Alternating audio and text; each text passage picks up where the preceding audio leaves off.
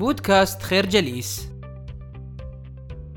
قد يعتقد الكثير منا بأن الرؤساء التنفيذيين لكبرى الشركات العالمية غالبا ما ينحدرون من عائلات ثرية أو يكونون أشخاصا على قدر خارق من الذكاء أو من حاملي أعلى الدرجات الجامعية من أشهر الجامعات. لتفنيد هذا المعتقد تستعرض المؤلفتان في بداية الكتاب دراسة إحصائية شملت أكثر من 2600 مدير تنفيذي تبين نتائجها بأنه عكس الاعتقاد السائد فإن أغلب الرؤساء التنفيذيين هم مجرد أشخاص عاديين كانوا قد طوروا صفات قيادية متميزة على مدار حياتهم المهنية. في هذه الدراسة أوضح أكثر من 70% من المدراء التنفيذيين أنهم لم يكونوا يخططوا بأن يصبحوا رؤساء تنفيذيين عندما بدأوا مسيرتهم المهنية. لنأخذ دون سلاجر على سبيل المثال. سلاجر يشغل حاليا منصب الرئيس التنفيذي لشركة Republic Services وهي شركة تعمل في مجال التخلص من النفايات وتبلغ قيمتها 9 مليارات دولار كما تعد ضمن لائحة أكبر 500 شركة في الولايات المتحدة الأمريكية. عند انضمامه للشركة لم يكن دون سلاجر قد أنهى أي تعليم جامعي وبذلك بدأ عمله في الشركة كجامع للنفايات. من خلال التدرج في العمل أصبح سلاجر في نهاية المطاف رئيسا لواحدة من أكثر الشركات شهرة في مجال معالجة النفايات في الولايات المتحدة الأمريكية. معرفته بتفاصيل العمل ومتطلبات الزبائن بالإضافة إلى المهارات التي اكتسبها خلال التدرج في مختلف أقسام الشركة. كانت من أهم ما جعلته المرشح الأفضل لرئاسة هذه الشركة. الفكرة الذكاء الخارق والشهادات العليا ليست شرطا لنجاح الرؤساء التنفيذيين. فالرؤساء الناجحون لا يولدون بل يصنعون من خلال مسيرتهم المهنية. تبين لنا من الفكرة الأولى بأن الشهادات الجامعية العليا ليست شرطا لنجاح الرئيس التنفيذي فإن معدل الذكاء العالي كذلك لا يعد شرطا أساسيا للنجاح. في الواقع عادة ما يعاني الرؤساء التنفيذيون ذو معدل ذكاء مرتفع مما يسمى بشلل المعلومات. وهي ظاهرة تعني محاولة الشخص استقصاء جميع المعطيات بشكل مفصل قبل اتخاذ القرار مما يدفعه في نهاية الأمر إلى الحيرة والعزوف عن اتخاذ القرار. قد يمكننا مقاربة هذه الظاهرة بما شرحه باري شوارتز في كتابه مفارقة الاختيار. عادة ما يطالب الرئيس التنفيذي باتخاذ الكثير من القرارات المهمة بشكل يومي. هناك العديد من الأساليب المختلفة لاتخاذ القرار مثل التفكير المفصل أو الاندفاع أو تحكيم المنطق أو الحسم من بين هذه الخيارات. غالبا ما يختار الرؤساء التنفيذيون الناجحون خيار الحسم مما يعني القدرة على اتخاذ القرار بشكل سريع ومسؤول بالإضافة إلى أن عنصر السرعة يعد من أسباب القرار الناجح. عادة ما يكون القرار العام أفضل بكثير من القرار المفصل. لتوضيح هذه النقطة دعونا نلقي نظرة على ستيف جورمان الذي تولى في عام 2003 قيادة شركة Greyhound الشهيرة في مجال النقل العام. في عام 2003 كانت الشركة تعاني من ديون بقيمة 140 مليون دولار.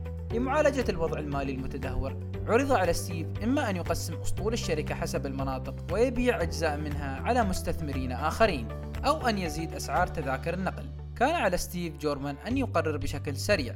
بدلا من التشاور مع فريق المبيعات نظر ستيف إلى خريطة الولايات المتحدة الأمريكية وقارنها بخريطة مسار حافلات Greyhound بعدها اتخذ ستيف قرارا جريئا بوقف فوري لجميع الحافلات التي تخدم السكان ذوي الكثافة المنخفضة. وبفضل هذا القرار الحاسم حققت شركة Greyhound أرباحا سنوية بلغت 30 مليون دولار خلال أربع سنوات فقط.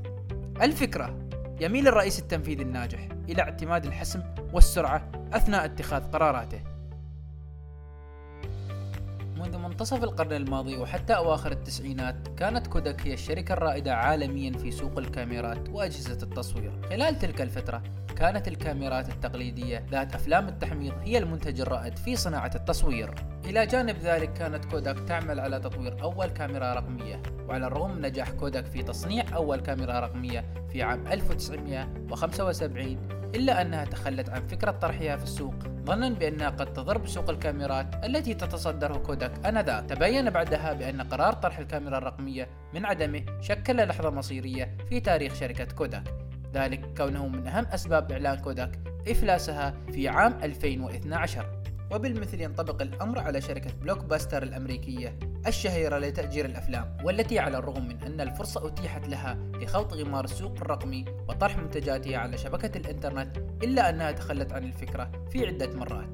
إلى أن أتت شركة نتفليكس واستحوذت على سوق الأفلام وبرامج التلفاز وأجبرت Blockbuster على إعلان إفلاسها في المقابل نجد شركة إنتل التي تنتج معالجات أجهزة الكمبيوتر عندما رأت إنتل أن الشركات اليابانية بدأت في إنتاج رقائق ذاكرة الكمبيوتر بتكلفة أقل أيقنت أنها بحاجة إلى التصرف بسرعة. اضطرت إنتل إلى تقليص أرباحها من 198 مليون دولار في عام 1984 إلى 2 مليون دولار في العام الذي يليه. ذلك فقط من أجل التنافس مع الشركات اليابانية مع الحفاظ على وجودها في السوق العالمية. بعد اتخاذ هذه الخطوة قررت إنتل التخلي عن تصنيع رقاقات الذاكرة والتركيز كليا على إنتاج المعالجات الدقيقة. ونتيجة لتكيف شركة انتل مع المشهد التجاري الجديد ارتفعت قيمتها في السوق من 4 مليارات دولار في منتصف الثمانينات إلى 197 مليار دولار اليوم الفكرة من صفات الرئيس التنفيذي الناجح هي أن يتناسى نجاحات الماضي وأن يكون مستعدا للتكيف مع تغييرات وصرعات السوق المستقبلية. في دراسة أجريت على حوالي 2600 مدير تنفيذي تبين أن 60% من أولئك الذين تسلقوا سلم مناصب الشركات الكبرى بسرعة كانوا قد بدأوا في مناصب أدنى ضمن شركات أصغر بكثير. يرجع ذلك لأن الشركات الصغيرة تتقبل التغيير والأفكار الجديدة بشكل أسرع من الشركات الكبرى، التي لا تترك في العادة مساحة كافية لتقبل آراء الموظفين الشخصية، بالإضافة إلى ذلك فإنه من السهل ملاحظة إنجازات الموظف العادي في الشركات الصغيرة مقارنة بالشركات الكبرى. بالتالي إذا أيقنت إدارة الشركة جهود الموظف وأدركت بأن أفكاره ساهمت بشكل مباشر في نمو الشركة أو مضاعفة الأرباح أو تقليل التكاليف فسيصبح الموظف العادي في دائرة الضوء وتحت الاهتمام المباشر من إدارة الشركة. على سبيل المثال عندما خير داميان ماكدونالد بين اختيار منصب إداري في شركة جونسون أند جونسون وبين منصب مدير قسم شركة Zimmer للأجهزة الطبية. اختار داميان العمل لدى شركة Zimmer رغم أن رأس مالها لا يتجاوز الخمسة آلاف من رأس مال جونسون أند جونسون التي تقدر قيمتها بخمسين مليار دولار. كان داميان يدرك بأنه أقصى معدل نمو من الممكن أن يحققه لجونسون أند جونسون لن يتجاوز الواحد إلى الاثنان بالمئة نظرا إلى ضخامة الشركة.